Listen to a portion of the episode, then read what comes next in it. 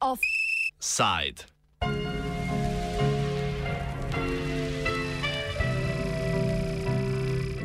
Podnebni dogovor na papirju.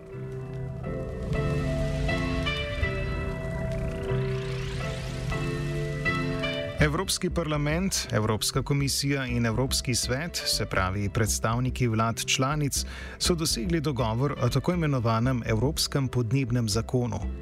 Gre za klasičen bruselski zakonodajni proces, ko dogovoru predsednikov vlad na Evropskem vrhu sledi tristransko usklajevanje podrobnejšega zakonskega besedila med parlamentom, komisijo in članicami EU. Zakon bo legalno uveljavil cilj, ki so si ga evropski voditelji zadali decembra lani, da bo Evropska unija do leta 2030 svoje emisije oglikovega dioksida zmanjšala za 55 odstotkov v primerjavi z letom 1990.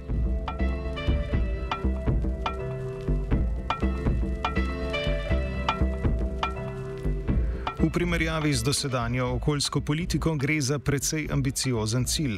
Da bi ga dosegli, morajo evropske države svoje izpuste CO2 v tem desetletju zmanjševati več kot dva in polkrat hitreje kot v prejšnjem. Več o najpomembnejših točkah Evropskega podnebnega dogovora Felix Šenjuit z Fakultete za gospodarstvo in družboslovje Univerze v Hamburgu. So I think most important are right now the targets. Um, so we talk about the 2030 target, and a 2050 target. And uh, this received most of the attention, and I think it's also the most important aspect of uh, the law. So for 2030, there is a minus 55% target. Um, and then there is the net zero target, net zero emission target for 2050. At the same time, however, this is not everything that uh, the legislators agreed on. So there will also be a new scientific advisory body, um, and there will be an intermediate climate target for 2040. Um, and then what there will also be is an indicative carbon budget for the period of 2030 to 2050. And these four things, I, I think, are the most important aspects of the new climate law. Kot je po pogajanjih povedal predsednik okoljskega odbora Evropskega parlamenta Pascal Konfa, je bil cilj 60-odstotno zmanjšanje emisij, na kar pa članice niso hotele pristati. But we, as parliament, we couldn't accept at least 55 net full stop. Precisely because it, there were two risks, not enough ambition as a whole, first, and then not enough ambition on the direct reductions, as Jutta said. So we, the, the deal we had with the council, with the presidency, was precisely to work within the framework of the at least 55 net wording and working on the calculation of the net to be able to move de facto, in reality, from 20, from 55 to close to 57, plus securing at least 52.8 direct reductions, which was not the case at all in the council version. Pogajanja so bila po bruselsko dolga in so se končala po 14 urah ob 5 uri zjutraj. Zakaj komentira Shenjuit? I think, yeah, it was so late, and by now it seems sort of a good tradition that intense negotiations, political negotiations, have to end early in the morning. And there is also a political dimension of it, actually, because this drama of a night session also makes it easier to sell the compromise to your to your voters later. But uh, so no, I think there are two dimensions of it. So first, there really was time pressure because of the leader summit by the Biden-Harris administration in the U.S. So the EU really wanted to deliver, so that's why they took the time and tried to agree before the summit, and they achieved that. Da ima dogovor tudi pomembno komponento globalnega rivalstva za naslov najbolj zelene svetovne supersile, ni skrivala niti poročevalka Evropskega parlamenta v pogajanjih Jute Gütland.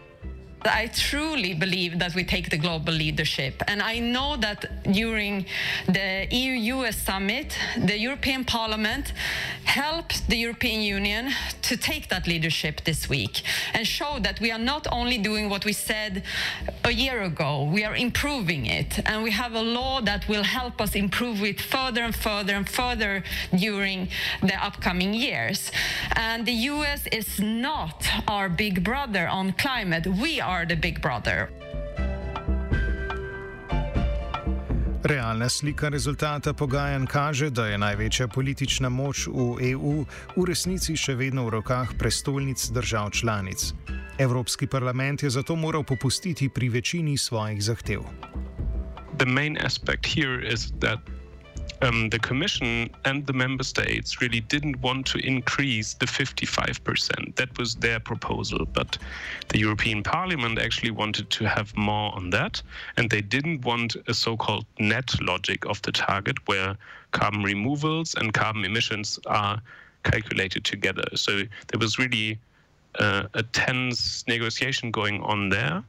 Um, and the Commission and Council, that is the member states, really managed that it wasn't increased. So 55 is now the target, and we also have this net logic. So the Parliament didn't achieve what they wanted to achieve, but they got other things instead.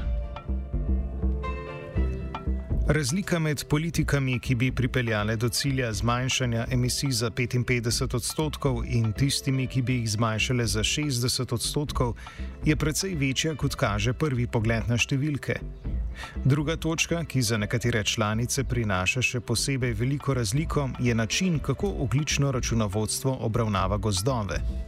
Ti namreč oglikov dioksid absorbirajo in ga vežejo v rastlinske materijale. Tukaj je bil na pogajanjih dosežen dogovor, da mora priti do absolutnega zmanjšanja izpustov za najmanj 52,8 odstotka glede na leto 1990. Razliko do cilja, ki je pri 55 odstotkih, lahko države dosežejo s prikazom negativnih emisij, naprimer zaradi širjenja gozdov. Tudi tu je šlo za kompromis, saj so države članice hotele, da bi bil upoštevani odstotek tako imenovanega ogličnega odtoka večji, parlament pa je zagovarjal stališče, da se sploh ne upošteva. Kot meni Šenjuit, je to porajalo vprašanje, ki bo s časoma postalo še pomembnejše. This is also important when it comes to the net zero target that I mentioned earlier. So, Net zero by 2050 means that there is a balance between the emissions that are still there and the removals, so the CO2 that we can absorb from the atmosphere. Um, and th this is about a balance. And now we are talking in 2030 about a balance. And as I said, forests are very important when it comes to balancing other emissions that are hard to mitigate. Um, and we will talk about this more in the future. This, I think, was just the beginning of uh, talking about net targets. Novost, ki so jo prinesla pogajanja po določitvi glavnih ciljev pri zmanjševanju emisij, je tudi ustanovitev Evropskega znanstvenega svetovalnega odbora, ki bo stališča podnebne znanosti ocenjeval zakonske in regulativne predloge Evropske komisije. Imel bo 15 članov, ki bodo imeli štiriletne mandate. Kako pomembno vlogo bo igral novi organ, se bo pokazalo šele čez čas.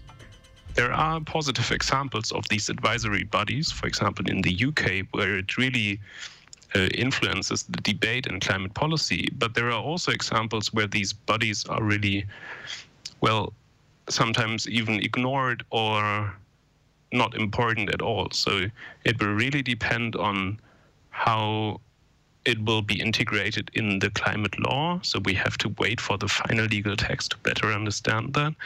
Um, and then over the years, to increase the standing of this institution. So that will be another interesting aspect to follow. So there is a potential to be an influential organization in climate policy, but there is also a risk of being ignored if it is not well integrated in climate policy processes. Evropski podnebni zakon nima posebnega disciplinskega postopka o nespoštovanju dogovorov. Bruselske oblasti bosta delno nadzorovala novi znanstveni odbor in Evropski parlament. Države članice, ki bi dogovor kršile, bodo kaznovane po postopkih, ki že obstajajo za primere nespoštovanja evropske zakonodaje.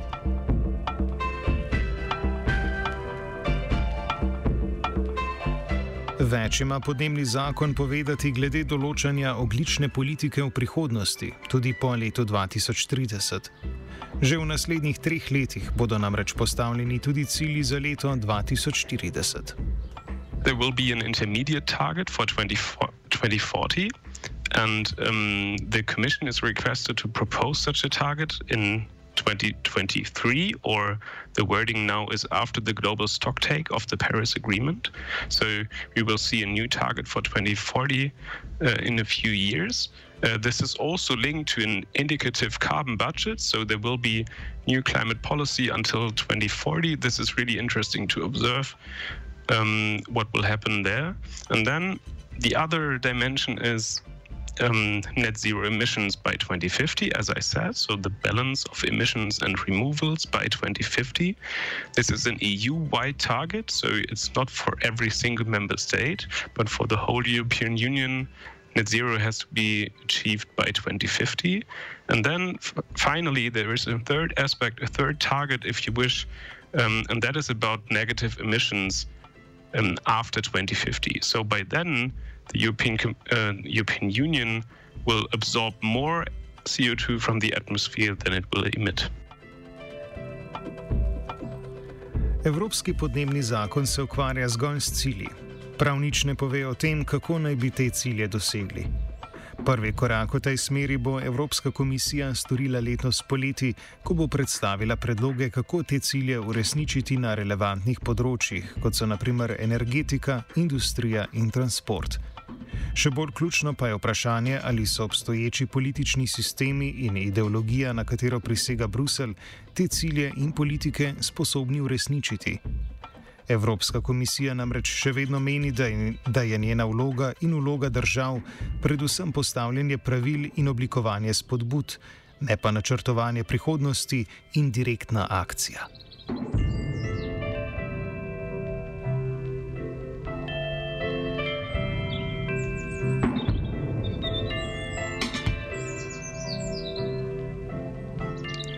Offside je pripravil Gal.